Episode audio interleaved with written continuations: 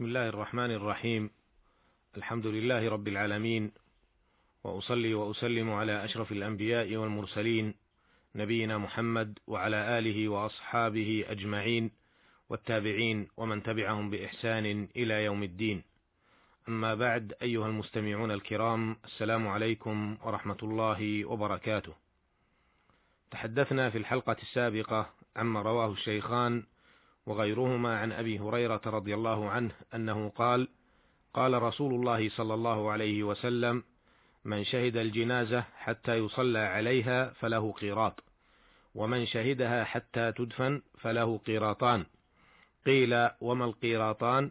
قال مثل الجبلين العظيمين. وفي رواية لمسلم أصغرهما مثل جبل أحد. وعرفنا ما في هذا الحديث العظيم من فوائد تتعلق بالصلاة على الجنازة وتشييعها حتى تدفن. وفي هذه الحلقة نتحدث عما رواه الشيخان رحمهما الله تعالى عن أبي موسى عبد الله بن قيس رضي الله عنه أن رسول الله صلى الله عليه وسلم بريء من الصالقة والحالقة والشاقة. وروى الشيخان رحمهما الله تعالى عن عبد الله بن مسعود رضي الله عنه عن النبي صلى الله عليه وسلم أنه قال ليس منا من ضرب الخدود وشق الجيوب ودعا بدعوى الجاهلية. هذان حديثان عظيمان يتعلقان بموضوع مهم وهو موقف المسلم من المصائب التي تحيط به وبخاصة إذا كانت هذه المصيبة موت أحد من أقاربه. نقف مع فوائد هذين الحديثين الوقفات الآتية. الوقفة الأولى قوله في حديث أبي موسى رضي الله عنه أن رسول الله صلى الله عليه وسلم بريء من الصالقة والحالقة والشاقة. الصالقة هي التي ترفع صوتها عند المصيبة وتبكي بكاء مزعجا مصحوبا برفع صوت. والحالقة هي التي تحلق شعرها أو تنتفه أو تقطعه من شدة الجزع والهلع. والشاقة هي التي تشق جيبها أو ثيابها أو ملابسها تسخطا على ما قضاه الله تعالى وقدره وعلى ما حل بها. وجاء في حديث عبد الله بن مسعود رضي الله عنه ودعا بدعوى الجاهلية أي عمل بعمل أهل الجاهلية من مقابلة المصائب بالنياحة أو الندبة مثل قولهم يا سنداه يا ويلتاه وكل قول ينبئ عن التسخط والجزع وعدم الرضا على ما قدره الله تعالى وقضاه على خلقه فهو من دعوى الجاهلية. الوقفة الثانية بعث الله تعالى محمدا صلى الله عليه وسلم ليدل الناس على عبادة الله تعالى وحده وليقوموا بتوحيده جل وعلا وليحققوا الغرض الذي خلقوا من أجله قال تعالى وما خلقت الجن والإنس إلا ليعبدون وليخرجهم من الظلمات إلى النور ولينقذهم من الضلالة إلى الهدى وليبشرهم وينذرهم. فجاء بكل ما فيه صلاحهم وهدايتهم وسعادتهم في الدارين.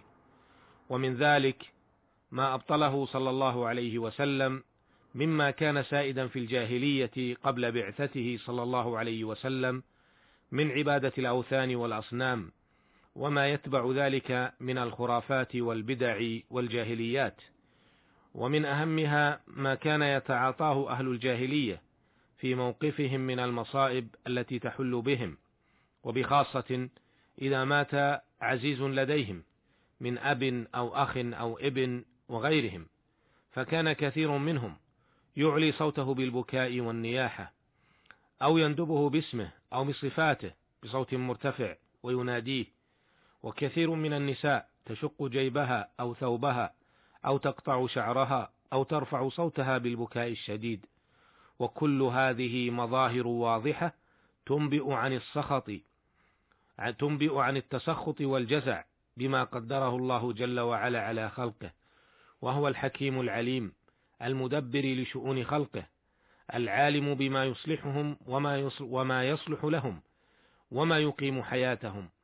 فهذه الأعمال كلها اعتراض على قضائه وقدره جل وعلا.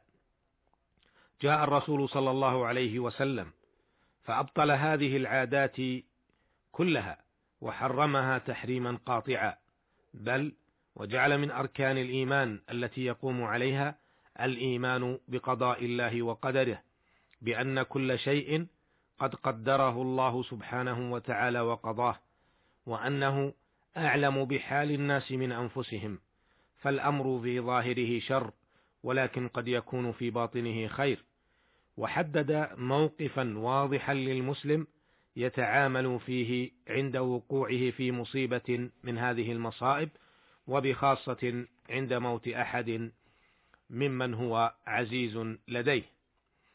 الوقفة الثالثة أفاد هذان الحديثان العظيمان تعميق الإيمان بالقضاء والقدر، بمعنى أن كل شيء قد قدره الله تعالى، وما يحصل في هذه الحياة كلها من الله جل وعلا، وهذا ما يجب وجوبا عينيا على المؤمن أن يؤمن به إيمانا تاما، وقد تضافرت النصوص الشرعية من القرآن والسنة النبوية على هذا المبدأ العظيم، قال تعالى: قل لن يصيبنا إلا ما كتب الله لنا، وقال جل وعلا: ما أصاب من مصيبة في الأرض ولا في أنفسكم إلا في كتاب من قبل أن نبرأها، وقال جل من قائل: قل لو كنتم في بيوتكم لبرز الذين كتب عليهم القتل إلى مضاجعهم، وقال تعالى: ما أصاب من مصيبة إلا بإذن الله، ومن يؤمن بالله يهدي قلبه.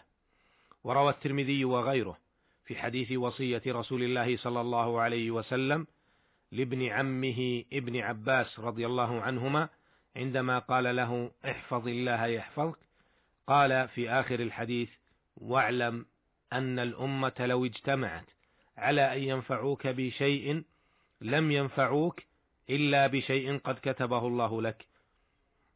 وإن اجتمعت على أن يضروك بشيء لم يضروك إلا بشيء قد كتبه الله عليك رفعت الأقلام وجفت الصحف. قال الإمام ابن رجب رحمه الله حول هذه الجملة إنما يصيب العبد في دنياه مما يضره أو ينفعه فكله مقدر عليه. ولا يصيب العبد إلا ما كتب له من مقادير ذلك في الكتاب السابق. ولو اجتهد على ذلك الخلق كلهم جميعا وقد دل القرآن على مثل هذا. انتهى كلامه رحمه الله. وروى الترمذي رحمه الله بإسناد حسنة أن النبي صلى الله عليه وسلم قال إن الله إذا أحب قوما ابتلاهم فمن رضي فله الرضا ومن سخط فله السخط. وكان النبي صلى الله عليه وسلم يقول في دعائه أسألك الرضا بعد القضاء.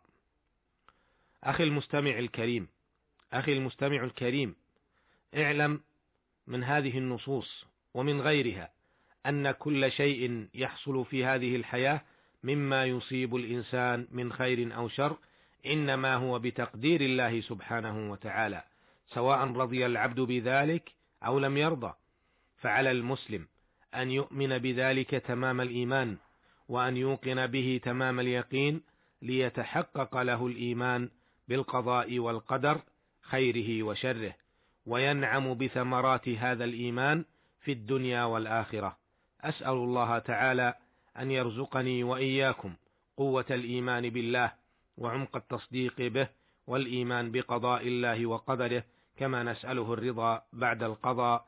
إنه سميع مجيب وهو المستعان. وإلى اللقاء في الحلقة القادمة إن شاء الله. والسلام عليكم ورحمة الله وبركاته.